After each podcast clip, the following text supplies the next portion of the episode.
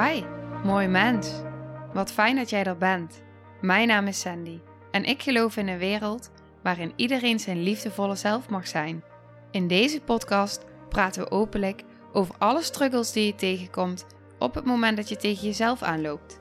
Vanuit mijn kennis en ervaring deel ik levenslessen en geef ik je inspiratie hoe jij vanuit pijn en angst weer voor liefde en vertrouwen kunt kiezen, zodat jij, dwars door het donker, de weg terug kunt vinden naar het licht in jezelf. Welkom bij de Liefdevolle Strijder Podcast.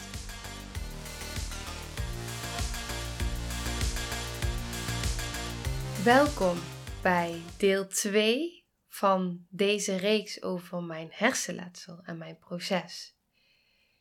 Als je de vorige aflevering nog niet hebt geluisterd, dan kan ik je aanraden om die eerst even te luisteren.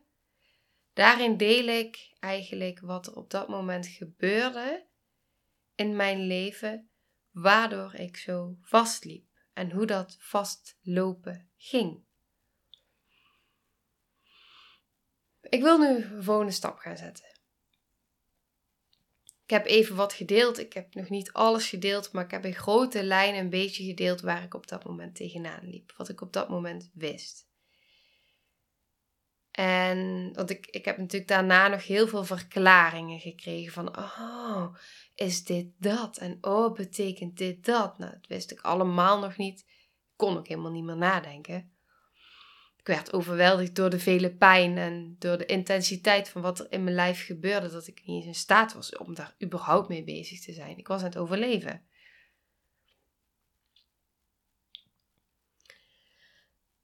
Ik voelde daar in het diepste van het donker, terwijl ik aan de grond lag. Met die pijn, met die intensiteit. En als je me langer volgt, dan weet je dit mini-stukje wel. Dat ik voelde, dit kan niet de bedoeling zijn. Dit kan niet. Dus naast waar ik ben geëindigd, de, de pijn en de angst die ik voelde, was er ook iets anders. Ik had een heel diep innerlijk weten. En dat hele diepe innerlijke weten zei tegen mij: Dit kan niet de bedoeling zijn. Jij hebt niet jouw hele leven zitten overleven en gestruggeld en met alles wat je hebt doorstaan, alles wat je hebt meegemaakt, kan ik niet geloven dat dit de bedoeling is. Dus ondanks dat het enerzijds uitzichtloos was, voelde ik van binnen, ondanks ook de suïcidale gedachten, dat spreek ik niet goed uit, de suïcidale gedachten, die er af en toe waren, logisch, hè? het gaat met ups en downs, was er ook een ander gevoel, er was hoop. er was echt een gevoel in mij, wat voelde, er zijn altijd meer mogelijkheden. Het kan niet zo zijn. En als je heel veel met jezelf bent en heel veel alleen bent en heel veel, ja, uh, ja, ja, hoe zeg je dat? Niet kan vermijden en geen andere kant op kan. Dan op een gegeven moment komen er ook in die stilte. Het voelde niet alsof het heel erg stil was door mijn oorsuizen, maar ergens was het toch ook alweer een soort van stilte komen er ook andere stromingen in jou op gang. En op een gegeven moment voelde ik, hé, maar je hebt ook een keuze. Jij kan nu kiezen om bij de pakken neer te gaan zitten, om hè, depressief te zijn, wat ik al vaker in mijn leven ben geweest. Ergens voelde ik ook, met alles wat ik heb doorstaan, kan ik dit ook wel aan. Natuurlijk waren er suïcidale gedachten, zoals ik al zei. Met momenten. Maar iets in me zei: wat nou als je deze tijd eens gaat gebruiken om er eens echt even voor jezelf te zijn? Wat nou als jij gaat kiezen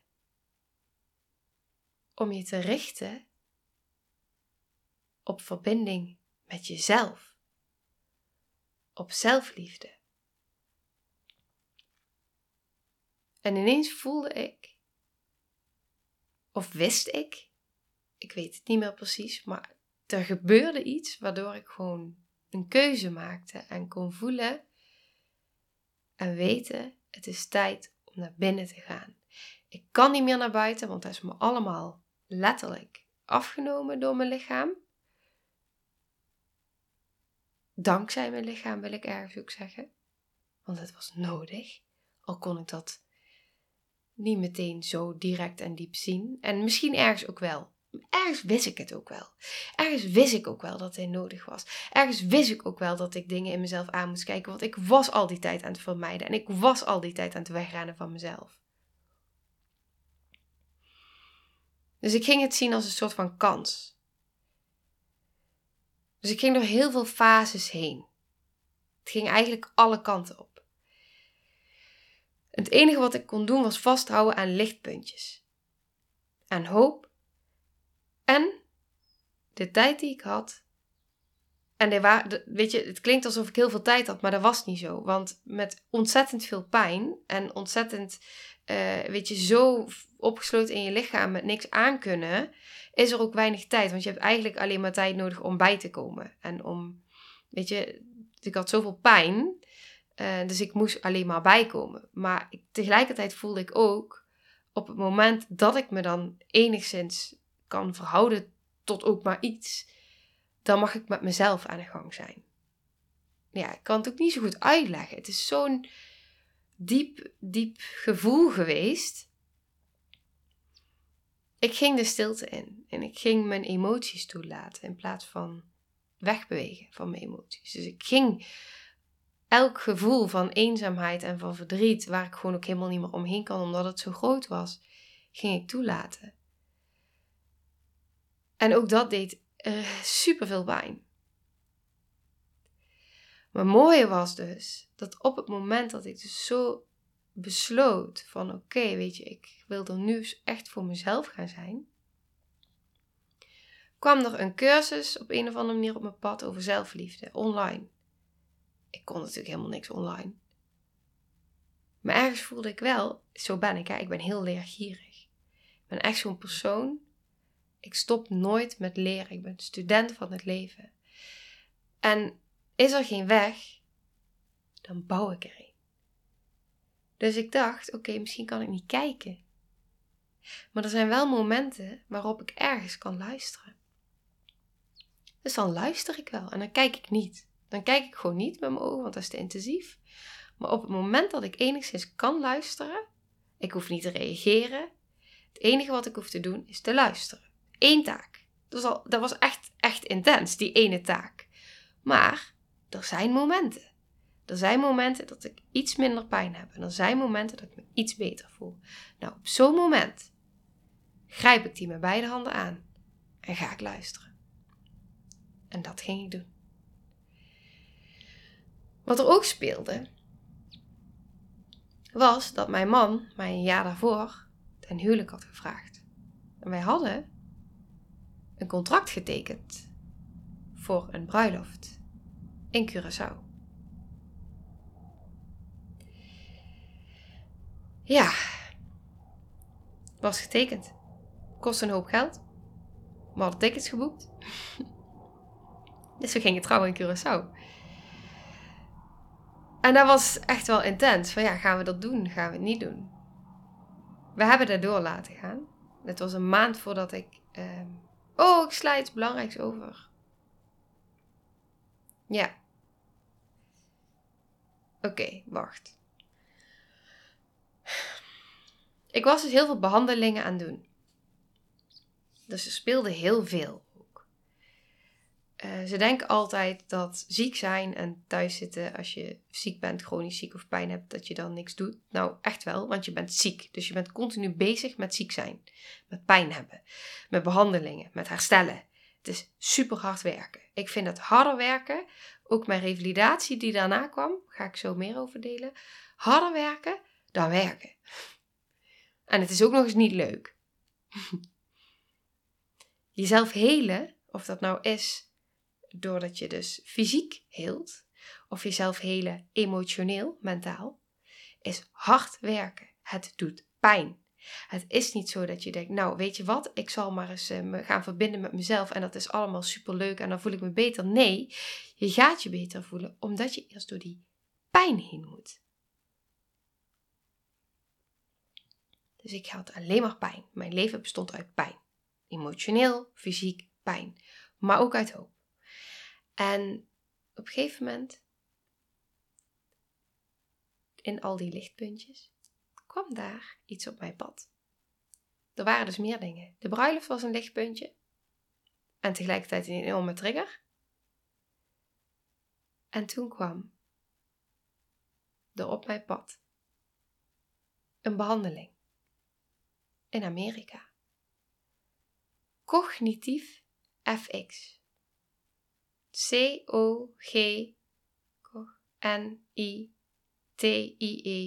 E. Als ik het goed zeg. FX. In Utah, Amerika. Als je het googelt, dan. Uh, ja, dan, dan vind je het wel. En anders stuur je me een. Oké. Kwam op mijn pad. Behandeling voor mensen met niet aangeboren hersenletsel. En ik weet nog dat ik dacht, ja, maar ik heb een whiplash. Maar het verhaal wat ik las over iemand met een whiplash die was gegaan. Oh ja, zo ging het. Ik had, sorry hoor, ik doe mijn best. Ik had een verhaal gelezen. Volgens mij is het op die manier, ik weet niet eens meer precies hoe het is gegaan. Die, die tijd is zo, ja, zo letterlijk zwaar geweest en mijn geheugen werkte niet. Dus ik vind dat heel moeilijk terug te halen. Maar volgens mij heb ik iets gelezen over die whiplash. En toen dacht ik, oh, maar ik heb ook een whiplash. En ik dacht, met mijn whiplash was mij verteld na mijn eerste whiplash, dat je cellen kapot zijn in je nek en dat die nooit meer herstellen. Nou, nu, tien jaar later, weet ik dat jouw cellen, jouw hele lichaam, alle cellen, om de zeven jaar volledig vernieuwd zijn. En de meeste cellen al veel sneller, maar na zeven jaar zijn alle cellen in jouw hele lichaam compleet vernieuwd. Super interessant. Wist ik toen niet. Dus ik dacht, ik heb cellen in mijn nek en die zijn voor altijd kapot. Ik ben voor altijd kapot. Dat dacht ik. Zo voelde ik me ook, overigens. En, nou, een behandeling in Amerika voor mensen met hersenletsel. En alles wat ik las, klopte. Maar ja, ik was zo lang niet erkend en uh, met dichte deuren en dat ik dacht, ja, ja, ik kon, ik kon ergens ook niet helemaal meer geloven dat ik dan daar een kandidaat voor zou kunnen zijn. Was dat dan wel erg genoeg? Zelfs dat was nog mijn gedachte. Ben ik dan wel, is het dan wel, is het dan wel erg genoeg wat ik heb? ja, Sandy. Nou, op een gegeven moment, ik ging erover lezen. Niet heel veel volgens mij. Volgens mij heb ik vrij snel ook gewoon meteen toek het, uh, het intakegesprek aangevraagd online. En ik zat er samen met mijn man. Nou, als je je bedenkt dat Nederlands spreken op dat moment al een enorme uitdaging voor me was, op woorden komen, mezelf uitdrukken, dan is Engels gewoon helemaal onmogelijk. Ik kon best Engels, maar op dat moment ik kon het echt niet meer. Dus mijn man zat naast me en wij gingen hakkelend dat gesprek in samen. En ehm, tijdens dat gesprek zeiden ze tegen mij met de klachten die ik had en wat we vertelden. Zeiden ze: Je bent helemaal welkom, je bent de perfecte kandidaat. Wij kunnen je helpen. Wij kunnen je helpen. En ik wist meteen: ik ga naar Amerika. Koste wat het kost. Ja, het had een flink kostenplaatje. Dus um, ja, wat hebben we gedaan? We hebben meerdere dingen gedaan. We hebben verschillende keuzes gemaakt. Een van de keuzes was een crowdfunding. Daar heb ik een paar duizend euro uh, van uitgekregen. We hebben om meerdere redenen uh, hebben gekozen om ons huis te verkopen. We zijn toen uh, in een woonunit gaan wonen op het terrein van mijn van de moeder van mijn man en haar man, zeg maar, dus schoonouders. En ja, daar in die unit hebben we eigenlijk tot voor kort gewoond. Daar zijn we best wel lang gewoond. Nou ja, en, en zo hebben we overal geld bij elkaar gesprokkeld. Uh, we hadden natuurlijk al flink wat gespaard voor de bruiloft. Dus daar konden we dan uh, nou ook weer een deel minder uitgeven. En nog steeds genoeg hebben voor wat we voor hadden getekend. En het was ook fijn, want ondanks dat die bruiloft een enorme trigger was, was het ook wel iets om voor te leven. En dat klinkt misschien zwaar, maar dat was het ook. Het was iets om voor te leven. En dat dat er mocht zijn, die liefde. En de bruiloft is zo aangepast dat ik het enigszins kon trekken. Dus uh, we gingen pas s'avonds om vijf uur trouwen. En um, de fotoshoot deden we een paar dagen later, dat ik tijd had om bij te komen tussendoor. Het was in een warm land, wat maakt, warmte is minder spierspanning. Dus meer ontspanning. We waren er al heel vroeg, dus ik had tijd om te landen en om bij te komen. Ik zat aan de pijnstillers om de dag vol te houden. Alcohol verdooft je systeem, dus dat haalt pijn weg. Dus alcohol hielp me op dat moment ook door mijn bruiloft heen. En ik heb kunnen genieten. Ik was intens moe. Ik had pijn. Ik was overprikkeld. Ik heb weinig herinneringen. Gelukkig heb ik een video en foto's, maar ik heb weinig herinneringen aan de momenten zelf. Helaas. Maar wat ik wel voel als ik daarop terugkijk, en die raakt me, is liefde. Pure liefde. Dat voelde ik een en al die dag, aan één stuk door. Liefde. Liefde. Ja, en daar ben ik heel dankbaar voor dat dat misgelukt. Met alle beperkingen die ik had. En um, een paar weken daarna gingen we naar Amerika. En ik ben echt over mijn grenzen gegaan in die, in die week in Curaçao. Ik heb er ook echt van moeten bijkomen en dat liet ik natuurlijk niet zien aan de mensen omheen, zo min mogelijk. De meesten zagen het toch wel aan omdat ze me kennen. Mijn ogen gaan altijd heel erg hangen als ik veel pijn heb. Je ziet het aan me. Als je me kent, zie je het aan me. Mijn hele gezicht gaat hangen, vertrekt, ik word bleek ik ga anders praten. Je merkt het echt aan me. Ja, maar goed, die behandeling, die ging dus, uh, die ging komen. En na die behandeling toe, dat is ook heel erg bijzonder, want er gebeurt van alles. Die behandeling is ineens zo, die maak je zo groot en het maakt tegelijkertijd ook zoveel angst. Wat nou als het bij mij niet werkt? Wat dan? En ik had maar één verlangen. Als ik maar weer normaal een dag door kan komen. Als ik dat zou bereiken, ja, dan, dan was ik er. Dat, dat was echt mijn verlangen. Als ik weer normaal een dag door kan komen, dan maakt het verder niet meer uit. Dat, als ik dat maar weer kan, als ik maar weer voel dat ik niet meer gevangen ben in mijn lijf, dat ik weer leef. Dat ik weer een mens ben, dat ik weer weet wie Sandy is. Dat ik weer mezelf kan zijn. Dat was wat ik heel graag wilde. Ja. Ik ga een andere aflevering opnemen over, over Amerika. Ik denk dat dat goed is. Maar ik weet dus dat, en dat is dus wat ik, wat ik aan waarde in deze aflevering wil geven, is dus op het moment dat jij dus ergens in jezelf, hè, soms moet je het ook maar net op je pad krijgen. Maar ik geloof dus dat op het moment dat jij een bepaalde mindset hebt. Een mindset van uh, ik ga hier het beste uithalen. Dus wat ik deed, ondanks waar ik in zit, ga ik dan de verbinding met mezelf herstellen. Ga kijken wat ik kan doen om er voor mezelf te zijn.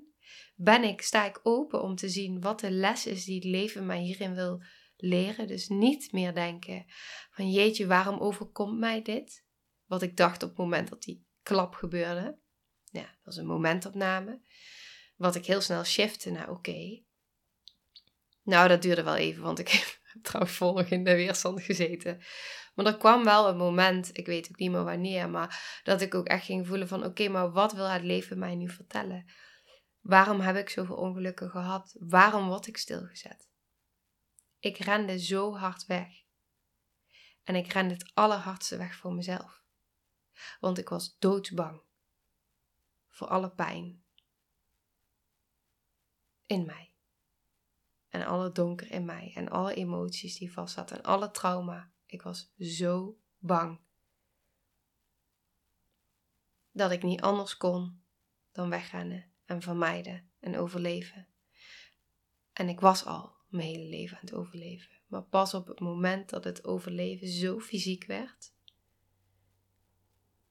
dat ik geen controle meer had over mijn lichaam, dat ik gedwongen werd door mijn lichaam om te luisteren, om te voelen. Ik had mijn lichaam altijd gedwongen om te luisteren, om niet te klagen, om er door te gaan. En nu dwong mijn lichaam mij. Mijn lichaam zei nee. Mijn lichaam zei stop.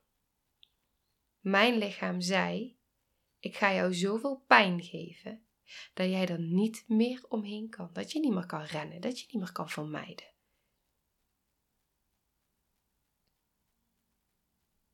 En ik had een keuze. Ik kon eruit stappen. Ik kon ook kiezen om in een slachtofferrol te zitten. En ik kon ook kiezen om me erbij neer te leggen en om me te focussen op de onrecht en om me te focussen op een letselschadezaak en op degene die me had aangereden en op boos zijn en op alle omstandigheden buiten mij. Had ik kunnen doen. Maar ik koos ervoor om te kijken: oké, dit is mij nu overkomen. Wat is de les? Wat kan ik hieruit leren? En hoe kan ik dit gebruiken om er voor mezelf te zijn, om hiervan te groeien, om te helen, om iets in mezelf te ontwikkelen wat er hiervoor nog niet was. Dat was mijn mindset. En dan neem niet weg dat er andere momenten waren. Weet je, het is een golfbeweging. Het ene moment is het andere moment niet. Maar dat was wel waar ik zat. En ik geloof dat op het moment dat jij echt op een bepaalde manier ergens voor kiest, dan komen er dingen op jouw pad die jou gaan helpen. Want jouw energie trekt energie aan. Op het moment dat jij je richt op het negatieve, trek je het negatieve aan. Richt je op het positieve, trek je het positieve aan. Dus op het moment dat jij in zo'n situatie waar ik in zat, in zo'n donkere situatie, als je op dat moment je alsnog kan richten op oké, wat is hier de les? Wat kan ik hieruit leren? Hoe kan ik een groeimindset hebben? Hoe kan ik mezelf ontwikkelen in waar ik nu in zit? Ik geloof dat dan die dingen op je pad komen. En ik vertrouw erop dat je altijd op het juiste moment op de juiste plek bent. Toen vertrouwde ik daar nog niet op, nu wel. Toen nog niet, toen kon ik dat nog niet zien. Toen kon ik nog niet zien dat je altijd geleid wordt. En dat alles gebeurt om een reden. Nou, misschien dat alles gebeurt om een reden kon ik ergens nog wel bedenken. Maar dat je geleid wordt, nee, dat niet. Ik voelde me heel erg eenzaam en ik voelde me heel erg alleen. En daar sta ik nu compleet anders in. Dus ik geloof er echt in dat op het moment dat jij nu deze podcast luistert, dat jij eraan toe bent. Want Amerika, weet je, op het moment dat jij bijvoorbeeld voelt van, hé, hey, uh, wow, bestaat dit? Bestaat zo'n behandeling in Amerika? Uh, weet je, ik, ik herken je in, in je verhaal. Zijn er meer mogelijkheden? Weet je, ik voel het ergens al, maar ze zijn er ook echt. Hier is de mogelijkheid. Misschien is dit wel je lichtpuntje, dit, deze herkenning. Dan komt dat omdat jij je daarop focust, omdat jij die positieve mindset hebt. En omdat jij of iets in jou er dus klaar voor is om dit nu te ontvangen en te horen. Oké, en daar ga ik het voor nu bij laten. Dus de volgende aflevering ga ik jou helemaal meenemen in mijn reis naar Amerika. Misschien heb ik je enorm getriggerd nu. Misschien ook niet, maar op het moment dat ik je wel enorm heb getriggerd, weet dan dat ik alles vanuit liefde zeg en dat mijn waarheid niet jouw waarheid hoeft te zijn. Dus haal er vooral uit wat voor jou resoneert en waar jij iets mee kan. Oké, dan sluit ik hem nu af met heel veel liefde.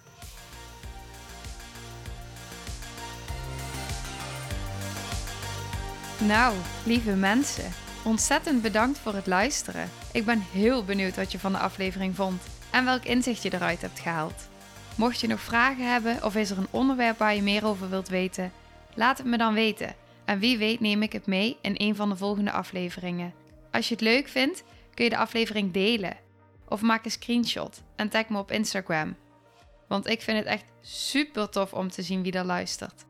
De link van mijn Instagram staat in de beschrijving bij de podcast. En wil je blijvend geïnspireerd worden? Klik dan op abonneer of volgen in de podcast-app waarmee je luistert. Dat zouden ik en alle toekomstige luisteraars enorm waarderen. Want dat zorgt er namelijk voor dat de podcast beter gevonden wordt. Nogmaals, dankjewel voor het luisteren en heel graag tot de volgende aflevering.